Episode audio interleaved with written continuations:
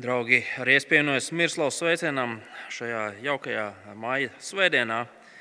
Mēs šodien turpināsim iet cauri vēstulē romiešiem, kuras ietvaros mēs aplūkojam tādu lielu tēmu, proti, ko nozīmē dzīvot Dieva žēlastībā. Tad es aicinu, ka mēs varētu vērt vaļā šīs dienas raksturvieti, kas ir 7. nodaļa, un mēs lasīsim no 7. panta līdz pat nodaļas beigām. Vēstule romiešiem, 7. nodaļa, no 7. panta, draudzes Bībelēs, 1144. lapuse. Pāvils raksta šādi: Ko lai mēs sakām? Bauslība ir grēks?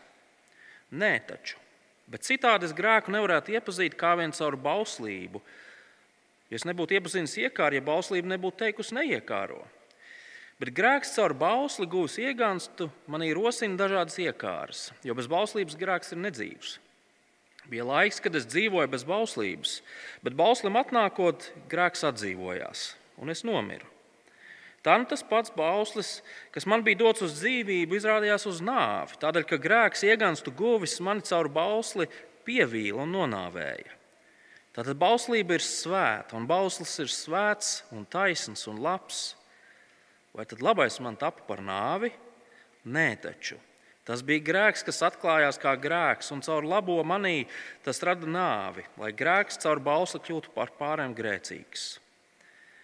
Mēs zinām, ka bauslība ir garīga, bet es esmu miesīgs, pārdots grēka verdzībā. Es neapjēdzu, ko pats daru, jo es nerīkojos tā, kā gribu, bet daru to, ko pats ienīstu. Bet, ja daru to, ko negribu, tad es piebalsoju bauslībai, ka tā ir laba. Tad nu es vairs neesmu tas darītājs, bet grēks, kas manī mājo. Es zinu, ka manī, tas ir manā miesā, nemājo labais. Es gan varu gribēt labu, bet piepildīt nevaru. Nevis to labo, ko gribu, es daru, bet rīkojos ļauni, kā pats negribu. Un, ja es daru to, ko negribu, tad ne jau es to daru, bet manī mītošais grēks. Es saskatu šādu likumu. Kad gribu darīt labo, man piestājas ļaunais. Pēc savu iekšējā cilvēka es ar prieku piekrītu Dieva bauslībai, bet savos locekļos es manu citu likumu, kas karo pret mana prāta likumu un sagūsta mani tajā grēka bauslībā, kas ir manos locekļos. Es nožēlojamais cilvēks. Kas man izraus no, šī nā, no šīs nāvei padotās miesas? Pateicība Dievam caur Jēzu Kristu mūsu kungu. Tā nu es ar prātu kalpoju dievu bauslībai, bet ar miesu grēka bauslībai. Tas ir kunga vārds šai dienai. Amen. Pirms mēs pārdomājam šo raksturvietu, mums ir jālūdz, lai Dievs mums palīdz to saprast. Un mums ir jā, jā, jālūdz ļoti nopietni, tāpēc ka šī nav vienkārša raksturvieta. Lūksim, lai, lai Dievs mums palīdz. Debes Tēvs, Tavu vārdi ir gaisma mūsu ceļā. Mēs lūdzam, palīdzi mums tagad, kad mēs pārdomājam Tavu vārdu. Lai tas mums palīdz saprast realitāti, kurā mēs dzīvojam, lai Tavs vārds palīdz mums mīlēt Tevi vairāk, un lai tas palīdz mums mācīties kalpot citiem dedzīgāk. Tas mēs lūdzam, lai tas atspirdzina mūsu iekšējo cilvēku.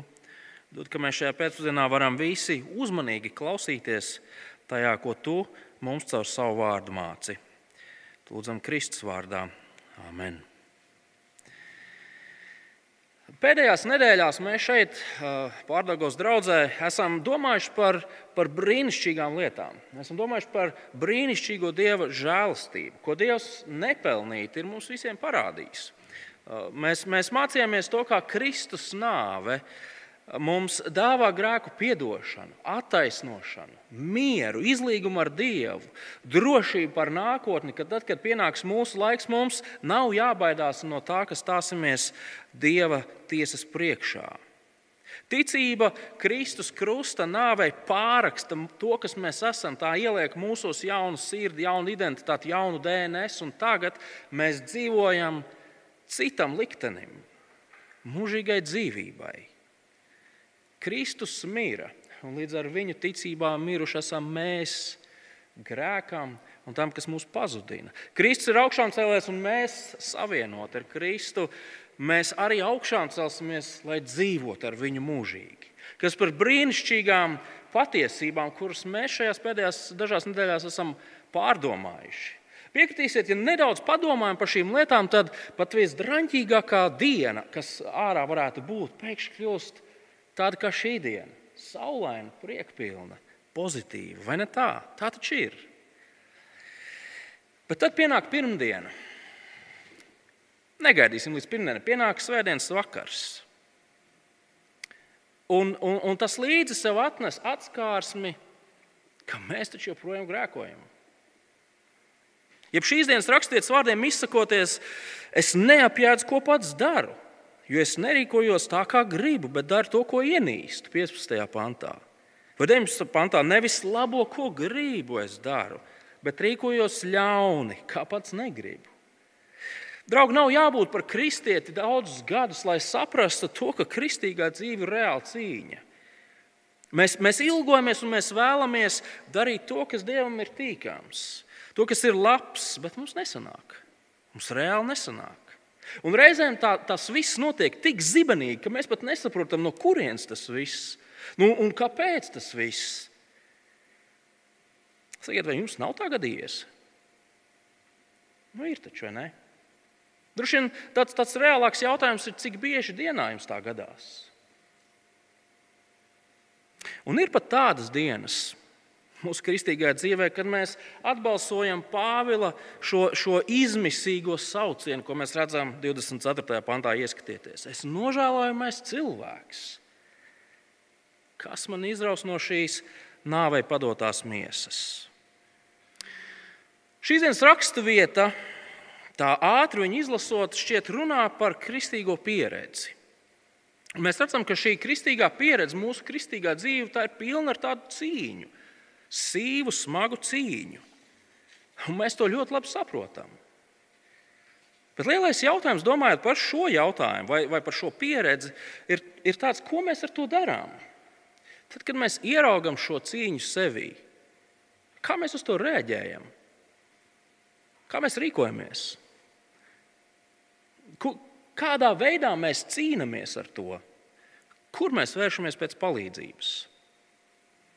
Redziet, lai arī mūsu priekšā esošā raksturvieta apraksta kristieša dzīvi, viņa palīdz mums saprast mūsu pieredzi, tā izskaidro to, ko mēs piedzīvojam. Šīs raksturvietas centrā, jūs droši vien pamanījāt, ir kaut kas cits. Šīs raksturvietas centrā ir dieva bauslības ideja. Vesels 15 reizes Pāvils šajos pantos lieto grieķu vārdu nomos, ko var tulkot kā likums. Un vēl sešas reizes Pāvils eh, liek to vārdu, ko var tulkot kā bauslis, jeb pavēle. Tad šīs raksturvietas centrā ir jautājums, kas saistīts ar dievu bauslību, dievu likumu. Pāvils vēlas, lai mēs, domājot par kristieša pieredzi, kaut ko uzzinātu par dieva likumu par Dievu baušļiem. Pāvila mērķis šajā vēstules daļā ir stiprināt ticīgo, stiprināt, drošināt kristieti, celt kristieti. Viņš, viņš vēlas, lai mēs zinātu, kur galu galā ir meklējama atbilde uz šo, uz šo asins stingzinošo saucienu, es nožēlojamais cilvēks, kurš man palīdzēs. Un šajā raksturvietā ir redzama skaidra atbilde. Beig beigās Pāvils vēlas, lai mēs zinām, ka Dieva bauslība tā ir laba lieta. Bet glābšanu, glābšanu no mūsu mirstīgās, nāvei nodotās miesas var dāvāt tikai un vienīgi Kungs Jēzus Kristus. Un tas nozīmē, ka lai arī mēs esam aicināti izdzīvot paklausību Dievam, Mēs neesam aicināti atmest baušļus, mēs aicināti paklausībā dzīvot. Bet baušļu pildīšana mūs nevar izglābt. Baušļu pildīšana pat par sevi mums nevar palīdzēt mūsu garīgajā cīņā. Mūsu vienīgā zāles, mūsu vienīgā palīdzība un glābiņš ir Jēzus. Bet kā tieši tā bauslība strādā mūsu dzīvēm.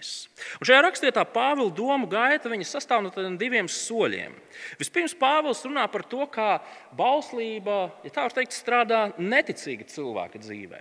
Un pēc tam Pāvils nedaudz pamaina savu, savu skatu, skatu punktu, un viņš joprojām runā par bauslību, bet viņš runā par to, kā bauslība darbojas kristieša dzīvē. Tad nu, aplūkosim abas šīs lietas un pa ceļam izdarīsim kādus svarīgus secinājumus.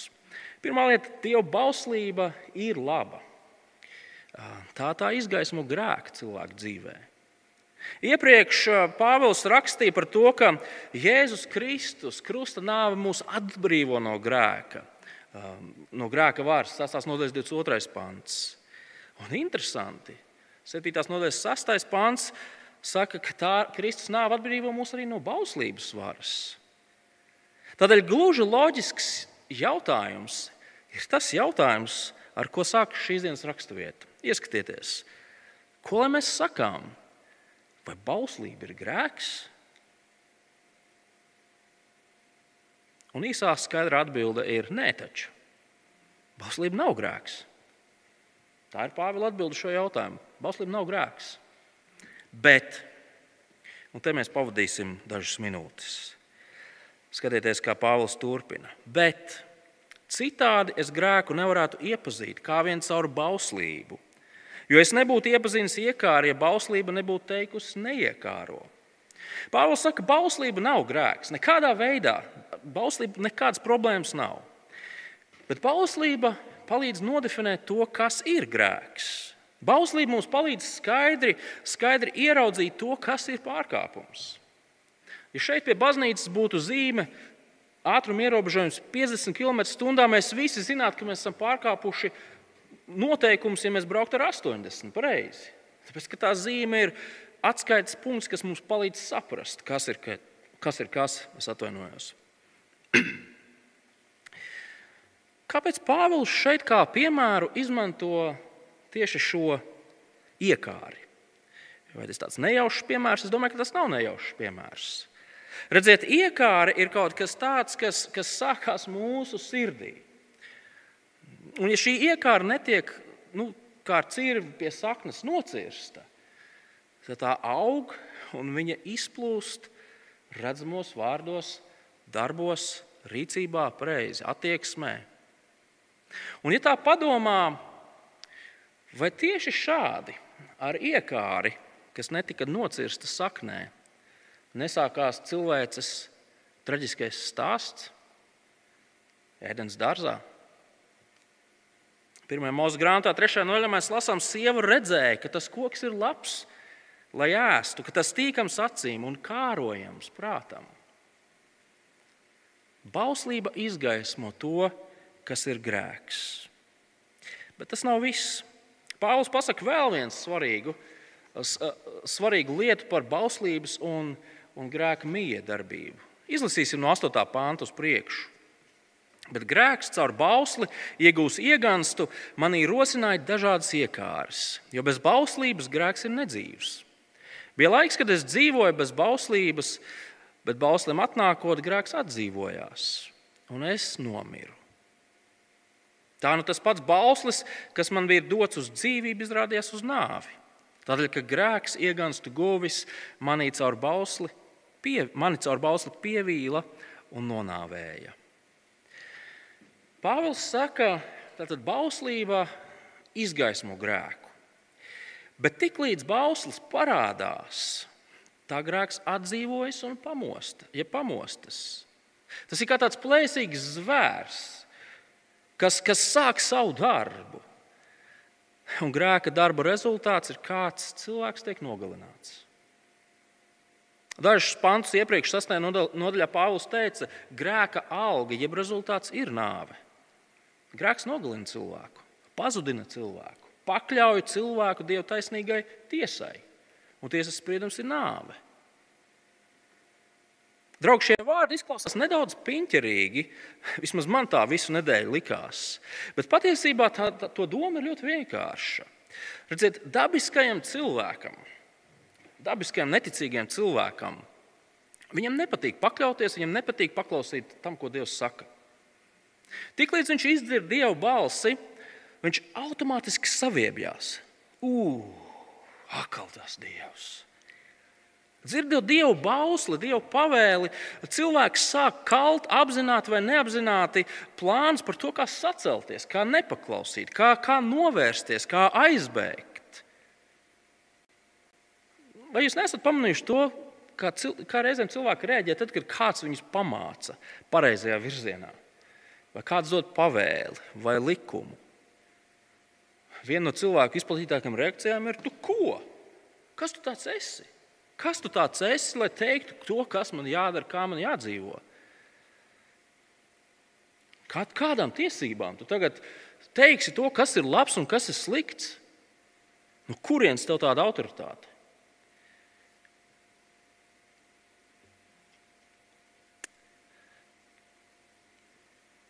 Vai es esmu pamanījis to, ka mazi bērni sāk bāzt pirkstus rozetē no tā brīža, kad jūs pasakāt, draugs nebāz pirkstus rozetē. Kāpēc? Pirms tam viņiem rozets neinteresēja. Bet tajā brīdī, kad tēvs pasakā, nebāz pirkstu rozetē, rozete ir viss, kas viņu interesē. Draugi, bet mēs jau šeit nerunājam par, tādiem, par tādām lietām, tā, tādām lielajām, tur nezodz, nenogalini un, un, un neslepkavo. Šādas pavēles mums vēl ir viegli paklausīt pareizi. Ārēji, nu es nezinu, nu es Es ceru, ka šeit nesēž neviens manīkāls slepkavnieks un tā tālāk. Taču kā mēs reaģētu uz kaut kādu pašu pirmo bausli, kas mudina cilvēku godāt tikai vienu vienīgo dievu? Mēs ļoti ātri ieraugam to, kāda ir cilvēka reakcija. Tad, kad viņam ir jāsaskarās ar pašu dievu un viņa pavēlēm. Un tādēļ desmitajā pantā, kad Pāvils saka, tā tas pats balsis, kas man bija dots uz dzīvību, izrādījās uz nāvi. Tas, tas nenozīmē to, ka caur baušļu pildīšanu kaut kādā veidā cilvēks var iegūt attaisnošanu. Nē, bauslis nekad netika dots, lai cilvēks varētu, kā Mirslavs rādīja, redz, kur tiek izmests glābšanas riņķis, aizpeld līdz viņam, un tu būsi glābts. Nē, Bauslis nekad nav tā paredzēts tādai izmantošanai. Kam Dievs deva baušus? Dievs baušus deva savai tautai, tautai, ko viņš bija izglābis. Viņš viņus izglāba un teica, tagad dzīvojiet šādi, jo jūs esat mana tauta. Grēks cilvēkam sola brīvību, iespēju pašam noteikt, ko un kā darīt, ko un kā nedarīt. Bet beig beigās tas cilvēks pieviļ. Tas cilvēks pieviļ un cilvēks mirst. Un tā Pāvils savalk kopā šo domu 12. pantā. Ar bauslību nav problēmas. Bauslība ir svēta. Bauslis ir svēts, taisns, labs. Protams, to dzirdot, kāds vēl var uzdot papildu jautājumu, kas ir izteikts 13. pantā, bet Pāvils, vai tad vai tad tagad sanāk, ka tas labais mani nogalina? Protams, vai sanāk tā, ka tas, tas balss vienkārši ņem un visus pēc kārtas bauslības nepildīt, nepildītājs nogalina Dievu priekšā? Un Pāvila atbilde, ieskatieties, nē, taču tā nav. Tas bija grēks, kas atklājās kā grēks. Un caur labo manī tas rada nāvi, lai grēks caur bausli kļūtu pār pārējiem grēcīgs. Bauslība un dieva likumi tie nav ne pie kā vainīgi. Tie nav grēcīgi, tie nav slikti, tie paši par sevi nevienu nepazudina. Bauslība izgaismo grēku. Cilvēku pazudina viņa paša grēks, kas saskaroties ar dieva pavēlēm, uzņem apgriezienus šī pretestība, kas cilvēkam ir pret viņa radītāju. Tu man teici tā, es darīšu tā, tikai un vienīgi par spīti tev. Lasot šos, šos pāntus, mums var rasties vēl viens jautājums. Par, par, par ko Pāvils šeit runā? Viņš šeit lieto vienskaļi pirmās personas es, Viņš runā par sevi, vai viņš runā, un ja viņš runā par sevi, par kādu savas dzīves posmu viņš, dzīves posmu viņš runā.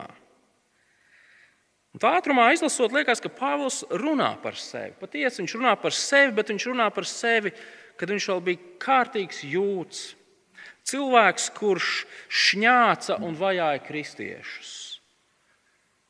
Arī šeit visi darbības vārdi šajā, šajā rindkopiņā, viņi visi ir pagātnes, pagātnes laikā. Taču Pāvils īstenībā, arī viņš varbūt sevi izmanto kā tādu piemēru, tieši vai netieši, viņš patiesībā runā par citiem cilvēkiem arī. Pāvils šeit runā par principu. Principu, kas attiecās uz visiem cilvēkiem, visos laikos. Šis princips attiecās uz vecās darbības jūdu tautu, kurai Dievs bija devis likumu, bet mēs varam iet vēl tālāk pagātnē. Šis princips attiecas uz Ādamu un Ievu ēdienas dārzā. Cilvēks saskaroties, šis dabiskais, dabīgais cilvēks, neticīgais cilvēks, saskaroties ar Dieva bausli, viņš saceļās pret Dievu un viņš tiek nogalināts. Jā, ļoti iespējams, Pāvils šeit runā par savu pieredzi. Pirms viņš piedzīvoja Kristus attaisnošanu. Bet viņš par to runā šādi, jo tas raksturo pilnīgi visus cilvēkus, visos laikos. Ja mūsu dzīvē līdzās noliek dievu baušus, tie skaidri parāda to, kādi mēs esam. Nevienam nav nekādas ilūzijas par to, kāda mēs esam, ja mums blakus noliek dievu baušļus. Mēs visi redzam, ka mēs esam grēcinieki. Mēs tos nespējam pildīt. Mēs tos negribam pildīt. Mūsu grēcīgā daba uzsāk aktīvu, aktīvu cīņu pret Dieva gribu. Mēs negribam viņam paklausīt. Mēs negribam viņam pakļauties. Mēs negribam atdot viņam nevienu metru, nevienu centimetru no savas brīvības. Pēt, brīvība ir pēdiņās, mūsu izdomātās ilūzija brīvības. Bet cīņas rezultāts ir zināms. Mums nav nekāda izredzu. Stājoties pretī Dievam, mēs visi mirstam. Agrāk vai vēlāk mēs visi saņemam pelnīto sodu, kas nākas ikvienam grēciniekam. Tātad bauslība ir laba, tā nav grēks. Taču dabiskā, mirstīgā, neticīgā cilvēka dzīvē bauslība neko nedod. Jā, tā izgaismo cilvēka grēku, tā izgaismo cilvēces stāvokli Dievu priekšā. Bet bauslību nevienu nevar izmainīt. Mēs viens otram varam uzkraut likumu likumus. Jā, mēs varam ar varu panākt to, ka cilvēki, ka sabiedrība dzīvo kaut kādā noteiktā veidā. Taču likumi neizmaina nevienu cilvēku sirdi. Ārēji mēs varam būt jauki, pūkaini, kārtīgi Latvijas patrioti. Bet kas notiek mūsu sirdīs? Patiesībā mums nav vajadzīgs sirds. Tiklīdz mēs ejam savā mājās, mēs atveram muti un, ja kāds tur varētu noklausīties, viņi zinātu, ko mēs īstenībā domājam par savu valsti, prezidentu, draugiem, kaimiņiem, darba kolēģi, priekšnieku un tā tālāk. Tā joprojām.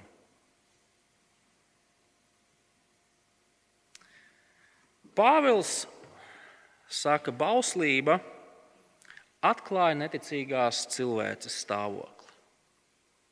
Un neticīgais cilvēks, viņam mītošais grēks, bausli izmanto, lai pats sevi pazudinātu. Bet tā ir tikai pirmā daļa no tā, ko Pāvils šajā raksturvietā saka. Uh, Orģinālā valodā, grieķu valodā, 14. pāns sākas ar saiklīti jo. Tad Pāvils 7 līdz 13 pateikto viņš sasaist ar to, kas sako tālāk. Un mēs redzam, ka joprojām Pāvils runā par bauslību, par likumu, par pavēli. Bet kādā veidā? Jo kaut kas šeit pamainās. Un viena no lietām, ko mēs uzreiz pamanām, ja mēs tā uzmanīgi lasām, ir tas, ka Pāvils tagad runā tagadnē. Pirms tam viņš runāja pagātnē, tagad viņš runā tagadnē. Un Pāvils šeit runā par savu tagadnes pieredzi, par viņa kristīgo pieredzi. Par šo, par šo ārprātīgo cīņu, ko viņš kā kristietis piedzīvo. Un mēs redzam, ka bauslība spēlē ļoti aktīvu lomu kristieša dzīvē. Proti, tā palīdz kristietim saprast to, kāpēc viņš dzīvo tā, kā viņš dzīvo. Kāpēc viņš pieredz to, ko viņš pieredz. Bauslība mums palīdz saprast šo cīņu. Vienlaikus tverties pie bauslības, lai izglābtos no šīs cīņas, nav pareizi. Aplūkosim Pāvila gaitu, eh, argumentu gaitu nedaudz tuvāk. Tad 14. pantā Pāvils pasaka divas svarīgas un savā starpā saistītas lietas. Izlasīsim. Jo mēs zinām, ka bauslība ir garīga, bet es esmu miesīgs, pārdots grēka verdzībā. Tad pirmā lieta, ko Pāvils pasaka, ka bauslība ir garīga. Ko tas nozīmē? Ko, ko, ko tas nozīmē? Tas nozīmē to, ka Dieva baušļi īstenībā nav melns uz, bu, ba, ar melnu uz baltu uzrakstīts kaut kas vai akmens plāksnē iekalts. Ne, Dieva baušļi īstenībā ir kaut kas tāds, kas atrodas cilvēka sirdī. Tā ir iekšēja lieta. Nevis kaut kas ārējs. Ārēji pierakstīts, ārēji izpildīts. Nē, nē, nē, nē. Tā ir iekšēja lieta. Kāpēc mēs tā varam teikt? šeit ir svarīgi saprast to, kā Pāvils ir par šīm lietām runājis jau iepriekš šajā vēstulē. Redziet, tajā brīdī, kad kristietis sākot ticēt Kristum, viņš, iegūst jaunu identitāti.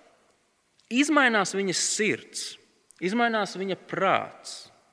Viņš uz visām lietām sāk skatīties citādāk. Viņa attiecības ar Dievu mainās. Viņš beidzot izdara to, ko Dievs ir gribējis izdarīt. Pašķirt atpakaļ uz, uz otro nodaļu, kur Pāvils nu, otrās nodaļas izskaņā ļoti skaidri pasaka kaut ko ļoti, ļoti svarīgu. Skatieties, 28. un 29. pants. Ne jau tas ir jūds, kas ārēji tāds, ne tā ir apgaizīšana, kas ārēji pie miesas, bet jūds, proti, dieva cilvēks, ir tas, kas iekšēji tāds, kam sirds ir apgaizīta pēc gara, nevis pēc burta. Un tādam uzslava ne no cilvēkiem, bet no Dieva. Dieva cilvēks ir cilvēks, kurš nevis āršķirīgi pilda dieva likumus, sit sev pa krūtīm, saka, es esmu jūdu jūds vai es esmu tur latviešu latvietis. Nē, tas ir cilvēks, kuras sirds ir apgaizīta, kuras sirds ir izmainīta.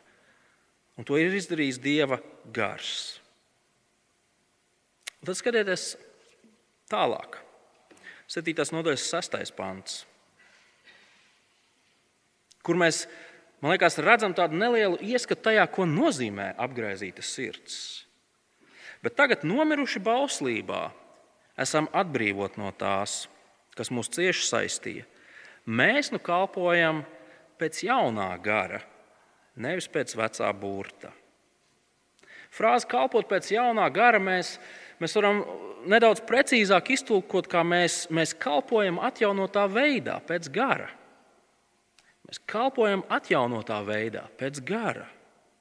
To ir ārkārtīgi svarīgi saprast. Dieva, dieva likums nekur nav atmests, Dieva bauslība nekur nav izdzēsta. Kristus nav atcēlis Dieva likumu.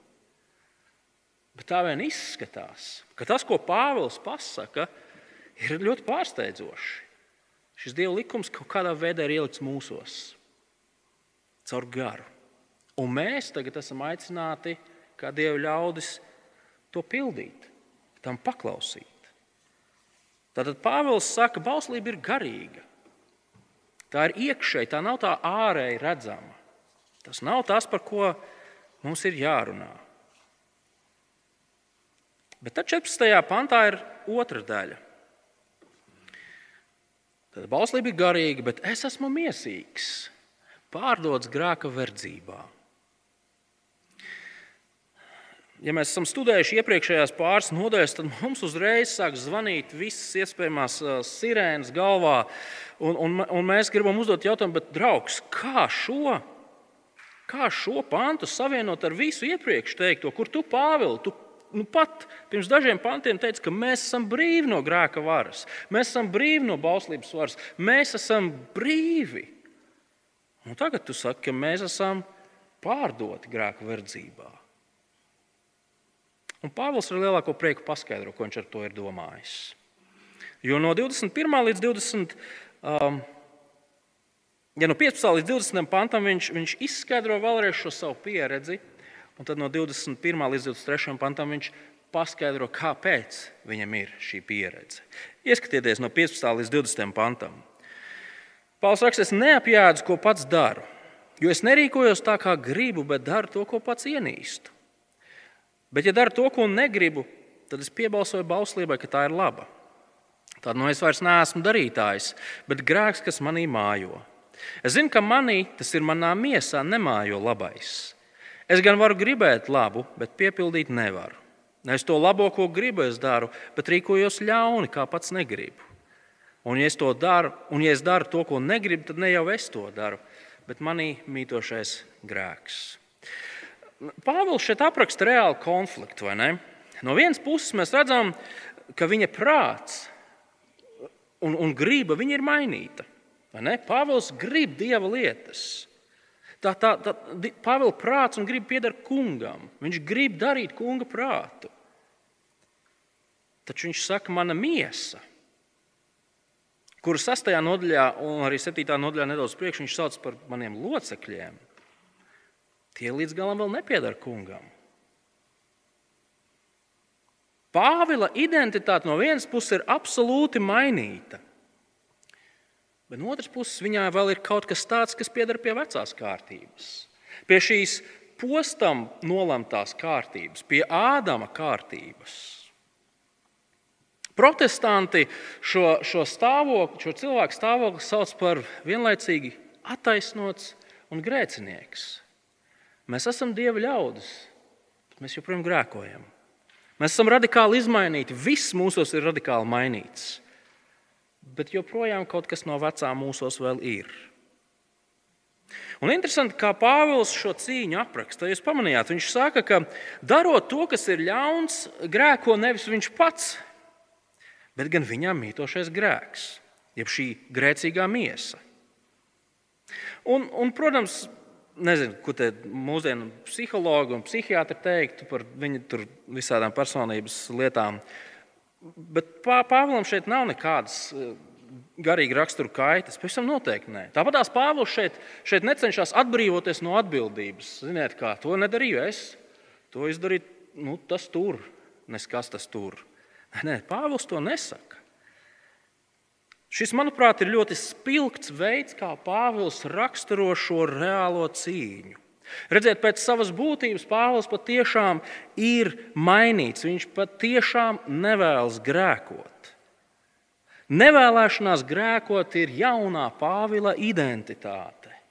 Tas ir tas, kas, viņ, kas viņš ir Kristū.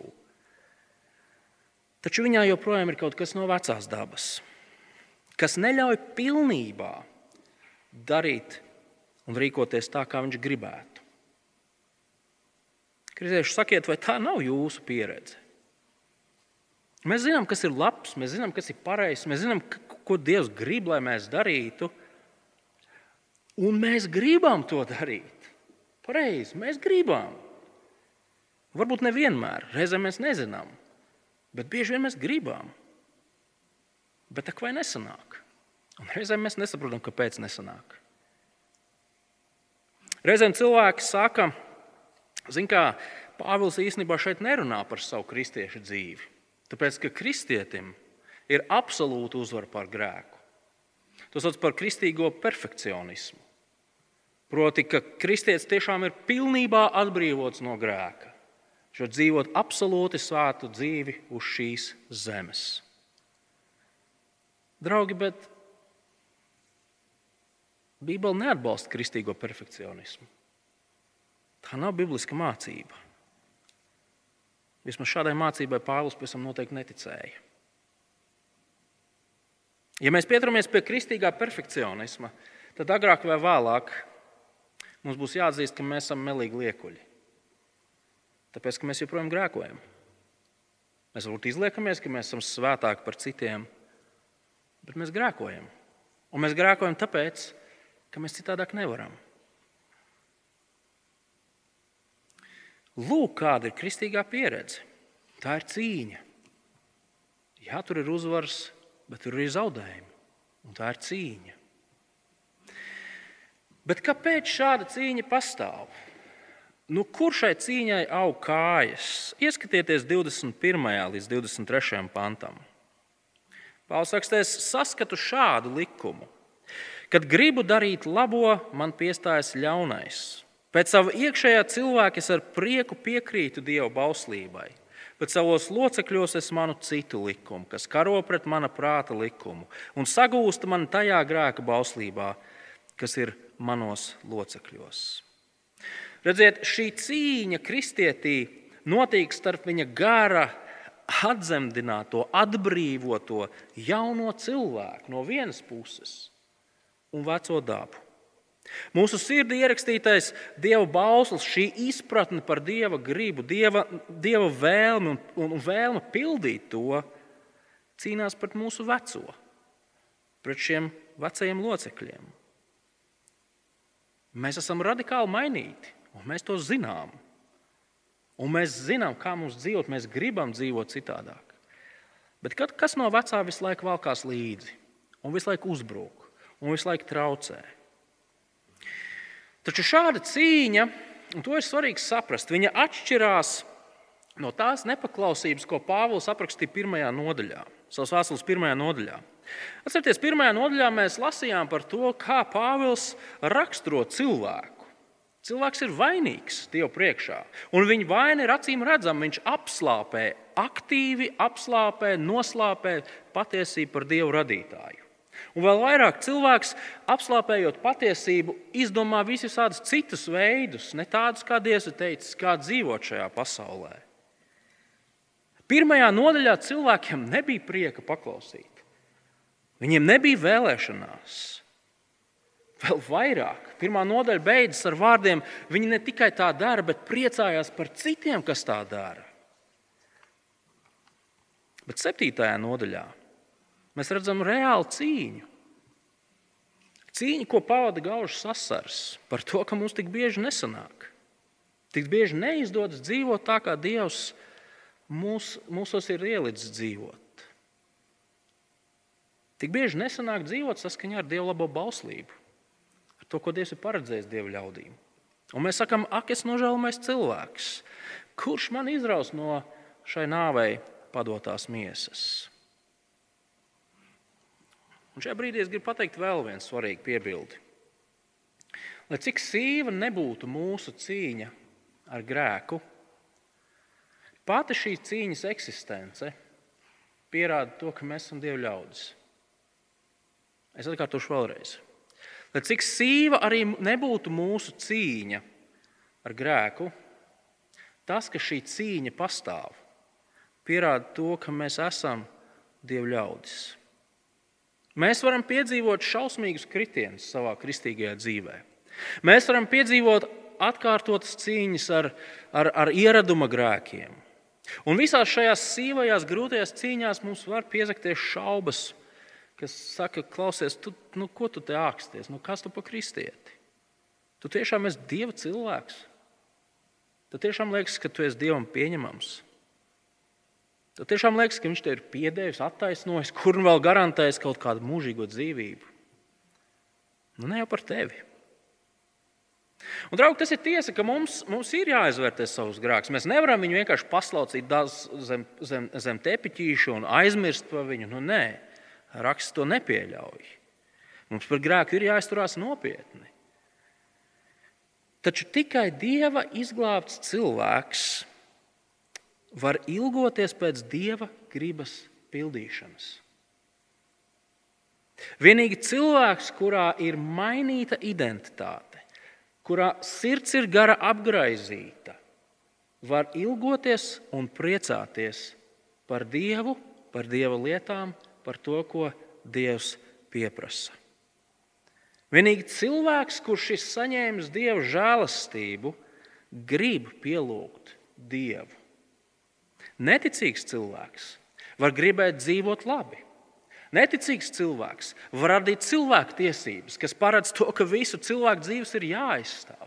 Neticīgs cilvēks var radīt brīnišķīgu sabiedrību, bet neticīgs cilvēks nekad negribēs un nevarēs dzīvot Dievam par godu. Viņš negribēs un nevarēs kalpot kungam tā kā kungs to ir atklājis. Tādēļ savā sīvajās un grūtajās cīņās, kurās mēs gribam, bet bieži nesanāk, mēs varam būt droši, ka mēs esam Dieva ļaudis. Sakiet, vai tas neiedrošina? Tādā neparastā veidā, bet vai tas neiedrošina mūs turpināt cīņu? Cīņas karstumā mēs savām šaubām un bailēm priekšā pretī varam likt, ko mēs varam teikt. Jā, jā, tas viss ir taisnība, bet, bet Kristus par mani nomirs. Es esmu Dieva cilvēks. Kristiešu dzīve nav kaut kāda romantiska piekdienas vakara filma. Jā, kristiešu dzīve ir ar laimīgām beigām, bet līdz tam laimīgajām beigām var būt ārkārtīgi spraigs sižets, drāma, cīņas, episkas cīņas, nesaprotamas cīņas, cīņas, ka raudāt gribas. Kur lai rodam spēku tajā visā? Bauslība nav tā vieta, kur mēs varam rast spēku. Bauslība mums palīdz saprast, kāpēc ir šī cīņa. Atbilde par to, kur rodams spēks, slēpjas 25. pantā, kur Pāvils saka, vienīgās zāles, vienīgais glābiņš kristietim ir Kungs Jēzus. Es nožēlojos cilvēks, kas mani izraus no šīs nāvei padotās miesas. Pateicība Dievam caur Jēzu Kristu mūsu kungu. Tā nes ar prātu kalpoja Dieva bauslībai, bet ar miesu grēka bauslībai. Šajos noslēdzošajos pantos Pāvils mūsu kristieši mūs aicina rīkoties pretēji mūsu instinktiem. Redziet, mūsu instinktos, tajā brīdī, kad mēs esam ierauti šajā cīņas virpulī pret grēku, mūsu instinktos ir teikt, klau, tev ir jācīnās stiprāk. Tev ir, tev ir, tev ir vairāk jādara. Tev ir, tev ir jābūt disciplinētākam, tev ir jābūt uh, tādam, kurš ievēro visus noteikumus. Neatlaidies nekādā brīdī, nekādā gadījumā neatlaidies. Bet rezultāts ir tāds, ka mēs agrāk vai vēlāk ievērosim to, ka tas tā nestrādā. Nu, tas tā nestrādā. Jā, mēs varam iegūt kādas, kādas, kādas uzvariņas, varbūt lielākas uzvaras.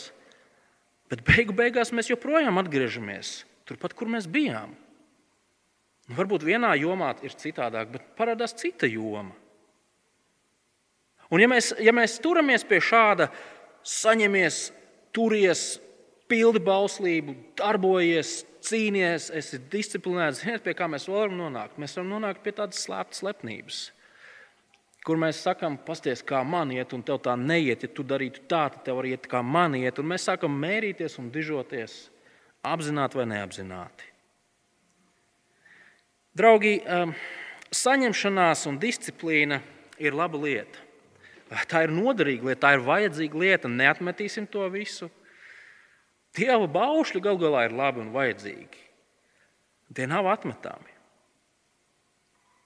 Mums, mums ir jāvairās un aktīvi jāvārās no kompānijām, no sabiedrības, no aktivitātēm, no lietām, kas mums var likt klupt, ne, kas mūs var kārdināt, kas mūs var aizvest kaut kādās lietās, kur mēs negribam būt.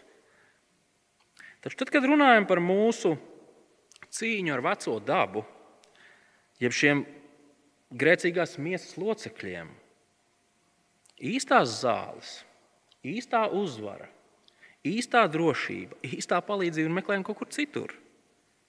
Likums ir labs, bet likums mūs nevar padarīt labus paši par sevi.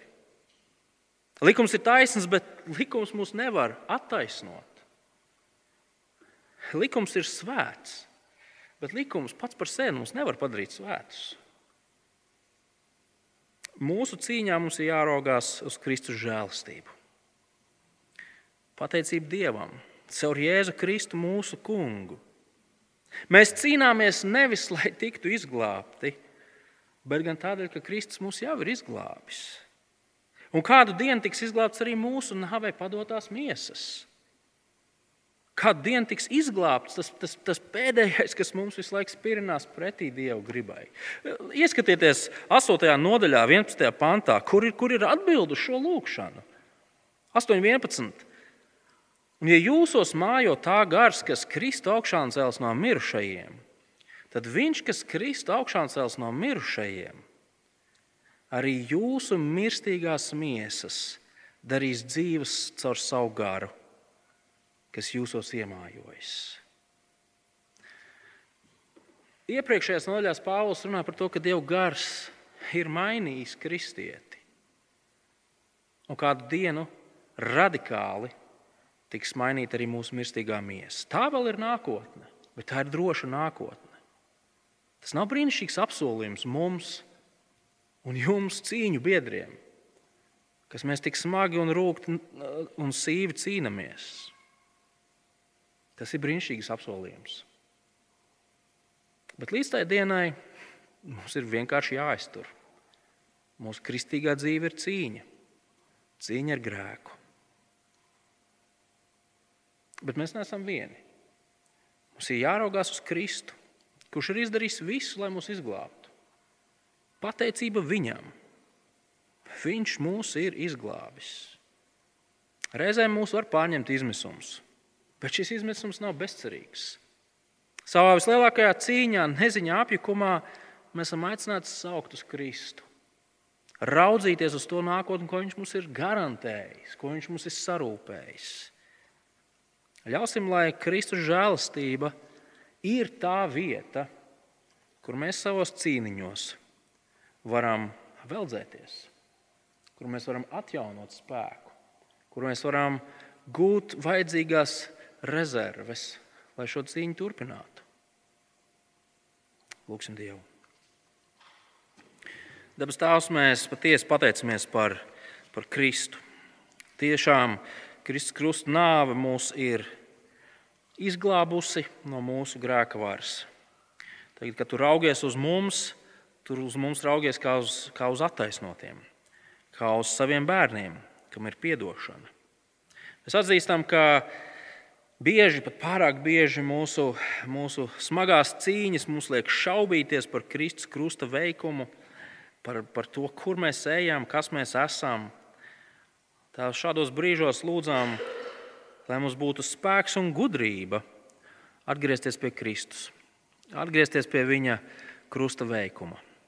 Jo tur mēs iegūstam drošību, pārliecību, vajadzīgo stiprinājumu, turpināt dzīvot savu kristīgo dzīvi paklausībā Tev nebaidoties no mūsu neveiksmēm un tāpat laikā nedižojoties ar saviem sasniegumiem, Tēvs. Palīdz mums uz to Jēzus vārdā. Amen.